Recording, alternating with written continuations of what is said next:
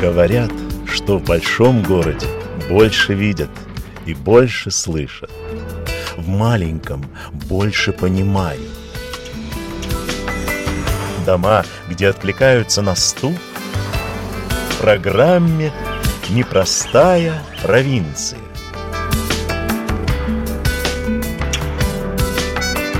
Программу «Непростая провинция» также можно послушать на веб-сайте Латвийского радио 4 LR4LV и на всех основных платформах потока вещания подкастов. Здравствуйте, я Ольга Гудис. Мы продолжаем гостить в Зилупе, маленьком пограничном городке с названием в переводе на русский «Синяя река». И расположен он в верхнем течении этой синей реки – Зилупе, всего в трех километрах от Псковской области. Здесь несколько улиц, красивый парк, Самое высокое здание – это четырехэтажная солидная средняя школа и несколько многоквартирных трехэтажек советского времени, а в основном скромные частные домики. Ведь весь аутентичный деревянный городок начала 20 века сгорел в пожаре Второй мировой войны. А из достопримечательностей, конечно, несколько церквей разных конфессий, здание станции, красивая красная с белыми рамами окон библиотека, да памятные знаки – сгинувшим в сталинских лагерях и погибшим во Вторую мировую зелупчанам. Репрессии и войны до сих пор не заживающие раны этого места. И многие памятные знаки стоят здесь благодаря Ивану Петровичу Сырцову, краеведу и писателю, который 27 января этого года отпраздновал свое 95-летие – прошлой программе Иван Петрович рассказал нам, как его семья пережила концлагерь Саласпилс, как его родители и старшую сестру отправили в Германию, как оттуда возвращалась мама, а отец привез подаренную американскими солдатами гармошку, на которой до сих пор играет Иван Петрович. А вот его рассказ о том, как возвращался из Саласпилса сам 15-летний Ваня Сырцов. Можно вспомнить такой момент тяжелый, когда нас отпустили с концлагеря, с нами приехала одна женщина. И той женщины была племянница в концлагере. И когда нас вызывали по списку, нужно было пройти строй эсэсовцев, там тебя обыскали, все там пропускали через строй – и там стояли телега такая большая, лошадь, и нас, ребят, надо было на телегу на ту идти. Ну и тут получилось, что меня проверяют, а там уже другого вызывают из ребят. А мама меня провожала, и провожал брат двоюродный. Брат был 27-го года, того уже лента была на руке под номером. Мама сорвала с него эту ленту, номер, и говорит, иди, Ваня, помоги, говорит, вещи собрать. И с ним, говорит, туда, через эсэсовский строй, уходи отсюда. И вот таким способом три человека убрали. Супер. Не тех, которые были в списке, просто так они. Ну, теперь эта женщина спрашивает, а где Фрида Голубцова? За нами да. женщина приехала. Мы, когда собрались уже на свободной угу. стороне... А племянницы нет? А этой девочки нету. Ее забрали родственники раньше из Риги. А-а-а. И она в Риге. И мама моя могла сказать, что вот забрали эту девочку. Теперь она решила, что поедет за племянницей в Ригу. Она с ребят привезла на станцию Саласпилс, там что-то, помню, купила покушать нам. И договорилась с начальником станции, что вот этих ребят отправить надо в Зилупе. Ну, прошел поезд, нас посадили, приехали в Зилупе, уже сделали вечером, это ж декабрь месяц, 20 декабря. Ой мороз, снег. одежда у вас была? Вас же забирали? Одежда, да, одежда была у нас летняя, как вот. в августе забрали нас, так вот, ну, вот я и думаю, летняя да. одежда была, и зимней и не было. Вот были там у меня какие-то туфли из материи. Приехали, уже темно, знакомых нигде нет, надо идти домой. А домой 11 километров. А сил нет. И вот мы идем, пять человек, ребят. Там какой-то узелок был, кажется, тяжело его нести, закопали где-то в снег под дерево. Идем, все, сил нет, посидим, отдохнем. Посидим, вставать не хочется, а идти надо. Ну и так вот двигались, не знаю, можем, мы продвинулись километра два-три. И так как-то сядешь, чувствуется хорошо. Чуть не замерзли вы все. Да, уже замерзали. И вставать не хочется, и идти уже так уже как-то не мечтаешь. Ну, в общем, замерзли. И, к счастью, ночью едет один мужик на лошади, на санях, и видит нас куча ребят, замерзших на снегу. Вот. Он спросил, кто вы, откуда-то. А, а он нас знал с нашей соседней деревни. Положил нас в сани, накрыл какой-то там шубой или чем-то там накрыл, привез домой. И мы уже не могли войти в дом сами. А в доме тетушка жила ночь, она уже спала. И тут этот мужик стучит, стучит у двери, Ой, понимаете. Она встала, делала. Кто наверное, там ночью, говорите, стучит ко мне? Думала, что, может, партизаны. Партизаны ночью ходили. Он говорит, встречай своих племянников. Но она открыла дверь, нас внесли, а мы что? Она нас чаем горячим так это угостила хлеба дала, укутала какую-то там одежду нас. И вот мы отогрелись к утру. Потом баню вытопила. Это Бог вам ангела прислал, правда? Да. Если этот мужик не подъехал, вроде кто-то подослал. Да, как будто подослал. Вот Бог послал. Да. Иван Петрович – человек верующий и до сих пор активный член Пассиенского католического прихода. Он родился в белорусско-польской семье в Пассиене и там же был крещен в уникальном Пассиенском католическом храме.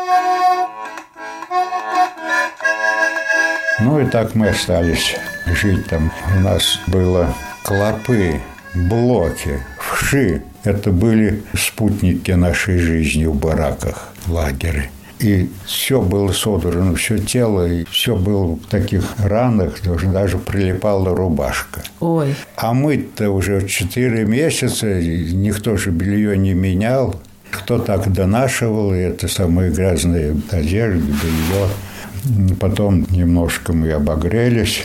Через дня три тетя свезла нас в Пасины. Там врач был, немец выписал какой-то мазь вонючий, черный.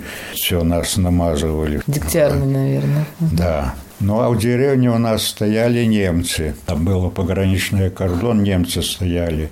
Ну и немцы ходили по деревне, по крестьянам, кто там масло, кто яйка, что-то они принесут, мыло, сахар, керосина где-то. Менялись. Да, менялись, да. И тетушка рассказывала этому немцу про нашу семью. А Потом... на каком языке? Они как-то на польском сговаривались. Ну и через дня три, может быть, пришел немец тот, который их к тетушке проходил. Тетушка это расхвалила, что вот племянники приехали с концлагеря Саласпилс домой. Так. Вот. А я помню, спал, так одеяло на голову накрыто было. Проходит немец, с меня одеяло такое снял, а я вообще худой такой был, обболевший, обмазавшись. А я смотрю передо мной немец и немецкая эта фуражка – Наверное, подумал, я опять оказался в концлагере Саласпилс. Перепугался. Думаю, как немец тут мир? Вот он спрашивает, ну, как гуд инлагер? Я говорю, да, гуд. О, инлагер не гуд. Показывает, а, инслагер, ага. Похудел. Похудел, да. да. Такая вот жизнь была. Ну, кончилась война. Учился я, окончил 7 классов Пасинской школы. Потом в Сибири окончил строительную школу. И надо было идти в армию. А я там в России, в Себеже. Вы в Себеже жили потом? Нет, я учился в Себеже. А учились там? Да. Угу. И уже 20 лет надо было в армию идти. Я же приписан, говорю, житель Латвии, пойду с Латвии служить в армию, а служить-то не очень хотелось. И я с воинского учета снялся. В Себеже приехал в Лудзу становиться на учет воинский. А тут как раз мобилизуют мой год. И я не сунулся сразу. Встретил друга, который служил в военизированной охране гражданского воздушного флота в Риге. И там можно было отслужить два года и армию именовать. Ну, я там поехал, устроился в военизированную охрану. Два с половиной года отслужил. В 52 году приехал в Зылупе, устроился мастером-строителем в стройконтору. Год отработал в стройконторе. Меня перевели техником, строителем, райисполком. Это же еще Сталин был жив. Сталин. Вы слышали, что людей здесь в 49-м отправляли в Сибирь? Ну, как же слышал, конечно. Из нашего края были вывезены люди семьями. Ну, чем они виноваты были? Их тогда в 41 году считали как враг народа. Если ты богатый хозяин, имеешь там земли прилично, пару лошадей, может быть, какую-то молотилку имеешь, ну, ты кулак, значит, враг народу. И их забирали, да, еще кто-то айсерком был, кто-то пограничником был во время а, Латвии да. до войны. Всех-всех семьями в Сибирь увозили. А ваш отец в колхозе потом работал? Да, вернулся в Германию, еще колхозов не было, так жили. Война кончилась мая, и он вернулся где-то в начале 46 -го года. Там надо было пройти два фильтрационных лагеря. Потом там регистрация была, передали в советскую зону, там опять допросы, понимаете, ты добровольно приехал, или тебя прослали, за что, ну, там у них свои были. Там, наверное, месяц были в одном, во втором, потом пока домой добрались.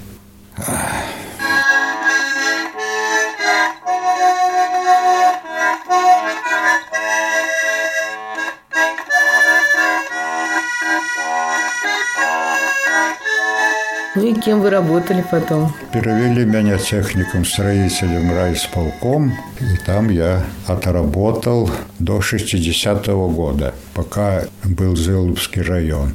Зылупский район объединили с Лудзинским районом, и все эти должности работники райисполкома в Зылупе остались без работы, в том числе и я приглашали в Лудзу работать, но где я могу каждый день, скажем, ехать в Лудзу работать, отработал, домой приехал, квартиры нет. Приглашали, но я не соглашался. Тут стал работу подыскивать. Тут уже прорабом в совхозе договорился. А когда я работал техником, здесь, в Зылупе. Меня заведующий был такой Рыбаков Николай Иванович. Мы с ним как-то были сработавшись, и он моей работой доволен был. И вот он все говорил, Иван, давай ко мне переходи дорожным мастером в отдел местного хозяйства. Но я отказывался. Потом я договорился, и уже приказ написали мне принять прорабом в совхозе Зылупы. Приехал старый прораб, где я должен уже работу принять. Сидим, разговариваем, я завтракаю. Заходит кассир с отдела местного хозяйства. Я удивился, чего ты приехала. Она говорит, я тебе зарплату привезла. Я в руках. Говорит, ты с 14 января оформлен на работу дорожным мастером. Ни заявления, ни автобиографии, ничего. Написал приказ меня. Ну, я потом согласился, что мне дистанция 60 километров оказалась в Зылупе. Слушайте, так вы здесь дороги строили, получается? Да, 30 лет я дороги строил. Ну и мосты, и сами дороги, текущий, средний, капитальный ремонт. Мне сказали, что здесь дорога только-только пять лет назад отремонтирована, а так с советского времени все стояло. Да, да, все советское То есть вы время. так строили уже капитально, капитально. на много лет хватало. Строили автопавильоны, автостоянки, скамеечки, все это наша работа. Асфальт асфальтировали населенные пункты. Теперь приедет асфальтоукладчик с горячим бетоном. А раньше такое не было. Мешали на месте, вывозили материал, песок, гравий, там какие-то выселки. Потом гудронатор проходит с горячей смесью и перемешивали. Ну и вот так я работал до пенсии. Шел на пенсию. Ну а семья как у вас? Семья. Женился, двое сыновей, дом построил. Сыновья уже, наверное, тоже взрослые? Ну, конечно, взрослые. Уже к пенсии подвигаются сыновья. А правнуки есть? Нету. Нету правнуков? И внуков нету, правнуков как так? нет. И они не женились? Женились, наверное, нету. поздно.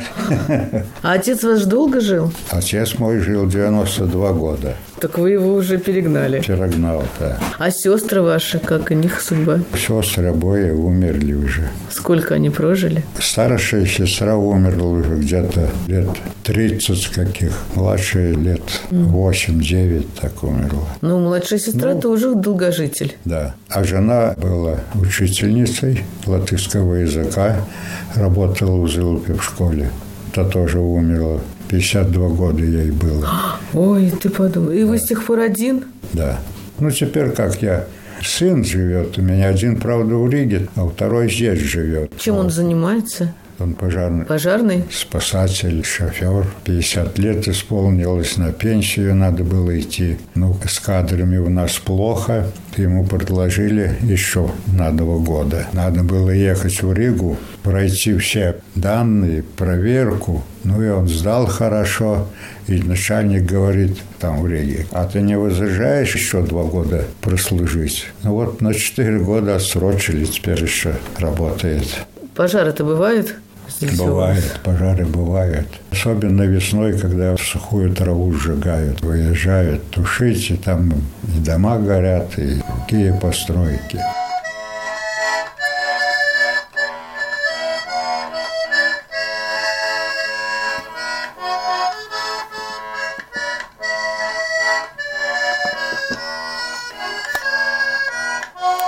Расскажите, как вы решили книги писать? Ну, в 91 году пригласили меня в городскую думу. Нужен был землеустроитель. Земельная реформа началась. А тут кадров нету, понимаете. А я уже на пенсии. Ну, пригласили работать. Я там года три, наверное, работал землеустроителем, потом председателем земельной комиссии до 2000 года. Ну, не полных 10 лет на пенсии отработал. Как земельная реформа началась, приезжали наследники с Риги, стали писать из Израиля, с Германии, наследники письма, чтобы им вернули наследство отцовское, которое тут находилось. Просылали документы, то все надо было регистрировать. Приезжали сами, знакомились, рассказывали, как они жили тут до войны. А, Мне это все заинтересовало. И так Начали записывать. приближался юбилей городу, 70 лет. Я так думаю, ну, кто-нибудь напишет, что вот юбилей приближается к городу.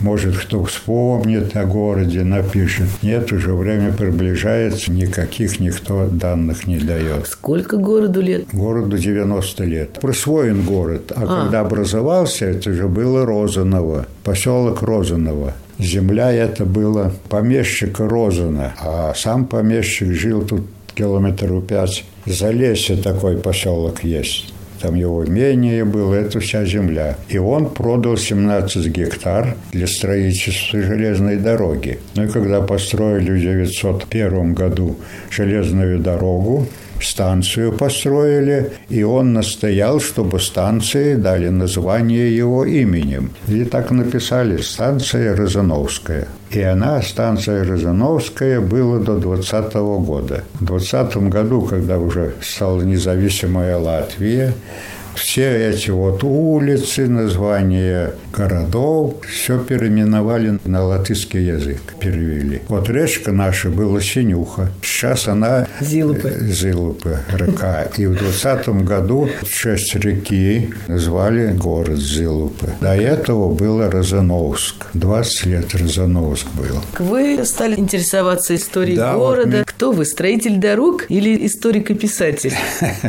Ну, теперь уже я дороги не строю. Ну да, да. Ваша жизнь разделилась пополам в этом плане. Да. Сколько вам было лет, когда вы стали историком и писателем? Лет 70. 70 лет вы стали историком-писателем? Ну, можно сказать, с 2000 года новая жизнь у вас началась. А я хотела все время спросить, расскажите секрет долгожительства. Вот он секрет. То есть человек а, стал другим. Он стал заниматься другим. Почему-то меня Все спрашивают. стали спрашивать, да, расскажи. Откуда вы знаете, да? Да, живой, живой. Живой, живой.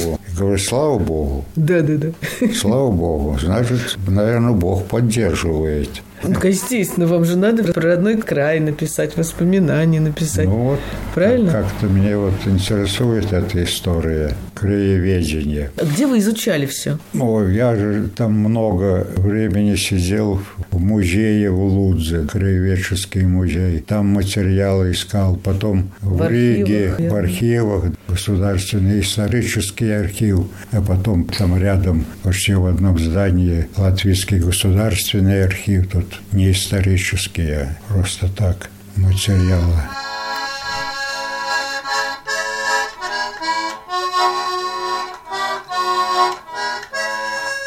Там написал книгу о еврейской общине города Зилупе на протяжении 100 лет. По переписи 1935 года в городе было 1556 человек. Из них 471 еврей и 472 латыша. Но остальные там белорусы, поляки. Дружили с мальчишками-евреями? Я в деревне жил, А, там не там встречались. евреев не было. Но здесь расстреляли их или все-таки кто-то успел убежать? Нет, уехал? половина эвакуировались, успели убежать. А те, кто так рассуждал, что, мол, что меня немцы расстреливать будут. Я не был ни коммунистом, не был каким-то советским активистом. Никому я плохое не делал. Чего меня будут расстреливать? Другая, а куда я поеду с семьей? Вот у меня отец старый, дети там 2-3 года. Неизвестность ехать. Так и вот тут получилось, когда я уже начал писать книгу, один еврей Германии, он сейчас, ну, сейчас умер, он жил в Зилупе в городе и помнит всех евреев, какие семьи были, где проживали. И я когда начал писать вот эту книгу, у нас тут журналист есть такой Матюшенко Виктор. Вот он панорамы Резекне написал, что вот у Зылупе человек есть, который пишет книгу о евреях. И там одна еврейка, председатель еврейской общины, эту газету послала в Германию своему близко знакомому Борису Авербуху житель он Зылупе. И тот как знал, что книгу я пишу. Это не Рошель Кукля? Да, Кукля. Знаю ее, да, да, да. Приехал сюда, мы вот у Кукли и встречались. И он был моим соавтором. У него знакомства было много евреев в Америке, жили в Израиле, в Австрии, еще где-то. И он со всеми связь имел. Он эвакуировался со всеми зылупскими евреями. И там в Россию в военные годы переписку между собой имели. Так вот он знал, кто погиб в этой семье. Разыскали мы 25 человек евреев зылупских, которые эвакуировались, были призваны в армию на фронт и погибли. Список у нас в Зылупе на постаменте стоят. Это вот здесь, с орденом. Нет, с орденом это партизаны похоронены. Памятник партизанам, может, в 49 году построен, а обелиск погибшим залупчанам был где-то в 71 году. А теперь уже 25 человек погибших залупчан евреев. Табличка дополнительно внизу построена. У вас прям город, город памяти, как большое кладбище. Да. Везде обелиски. И вот сейчас вроде бы как вернулись евреи на свою родину, погибшие. Погибшие. Память их да, память. есть. А сейчас, наверное, ни одного еврея здесь нет. Нету.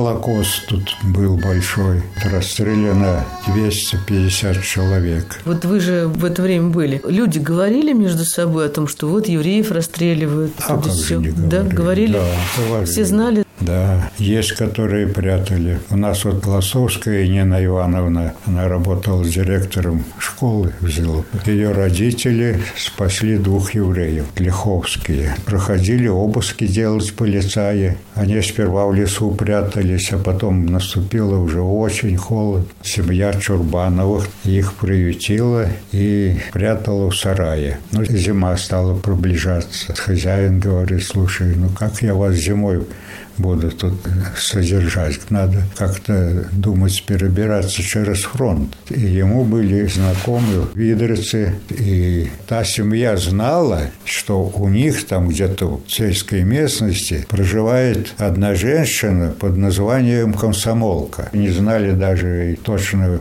имени, так Комсомолка, Комсомолка. Она много переводила военнопленных через линию фронта. И она перевела этих евреев.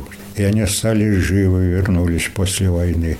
Ну, были и другие, конечно. Значит, вы написали книгу про евреев. Еще какую? Еще написал я «Корни». Вроде как свою автобиографическую. А сколько книг всего написали? Наверное, семь. Потрясающе. Да. Первое было «Зилопис пилсата свестеры» на латышском языке. Вы пишете на каком? Я писал по-русски, а, а председатель Думы перевели, переводила перевел. на латышский язык. Потом «Корни», они жили рядом с нами. История дорожников, сколько я в дороге работал. Сейчас уже готово здравоохранение города Зылупы. Ого! Да, еще вот книга «Осала спился», этот сборник. Но потом мелочь. А последняя книга «Город Зылупы, Зылупский край». Толстая. Там вся энциклопедия города. Но не только города, из Иловского края трех властей. В этой книге 460 страниц и 120 фотографий.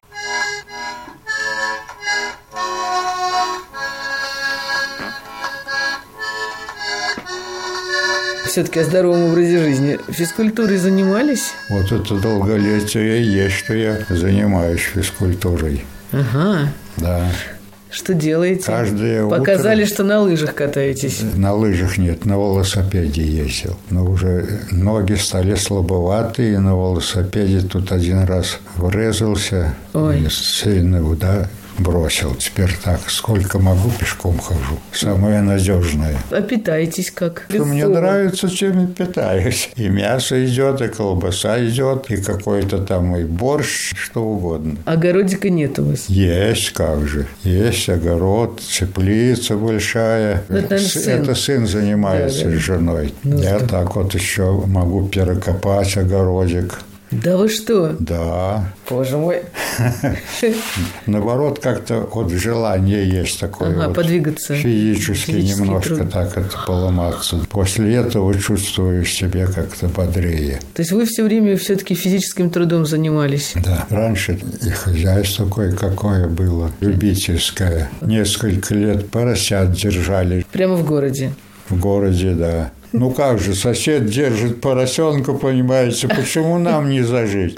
Мы зажили, люди коров держали, у нас коровы не было. В городе было больше 150 голов коров, а теперь ни одной нет. Ну, может быть, у кого одна-две осталось в городе. Не держит ни поросят, ни коров, ничего. Стали другие люди. Те люди, которые любили этим заниматься, те уже умерли. А дети пошли, они уже, это им не надо. Другие другие запахи, другие звуки в городе. Ну да. Население уже сравнялось с 1935 годом. Было где-то более двух тысяч человек. Самый такой год был 1980 А что здесь было из заводов? Был у нас цех завода «Металлист». Там работало где-то 120 человек. Больница было. И там примерно столько работало. Несколько врачей, там медсестры. А сейчас нет больницы? Больницы нету. А если заболеть болеете куда? В Лудзе, Резекне. В Лудзе? Это же далеко, почти час. Ну, да.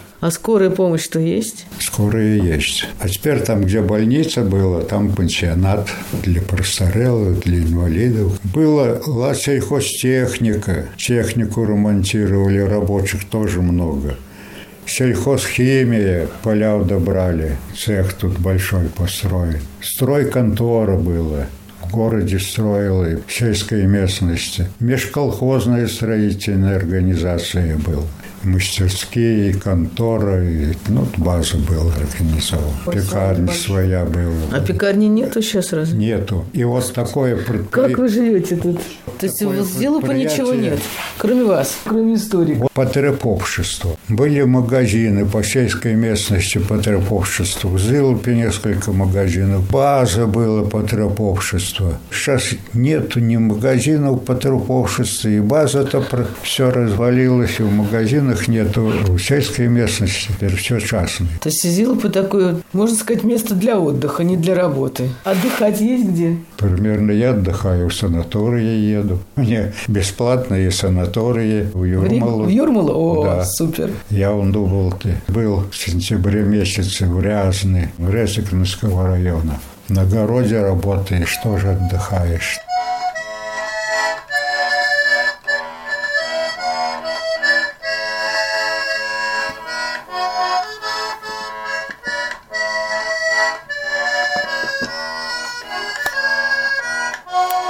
Сегодня в Зилупе мы продолжили знакомство с Иваном Петровичем Сырцовым, который, выйдя на пенсию в 70 лет, вот уже четверть века изо дня в день трудится над историей своего края, собирая живые свидетельства и архивные материалы. Он выпустил уже семь книг и к своим 95 годам не утратил интереса к жизни и работе и считает, что творческий труд дает ему силы, а его отдых – работа на огороде. С вами была «Непростая провинция», редактор компьютерного монтажа Инга Бедел и автор программы Ольга Гудис. Если вам понравился этот подкаст, порекомендуйте его своим друзьям и поделитесь им в социальных сетях. Нажмите сердечко или поставьте пятизвездочную оценку платформе, на которой вы нас слушаете. Спасибо, всего вам доброго, до встречи через неделю.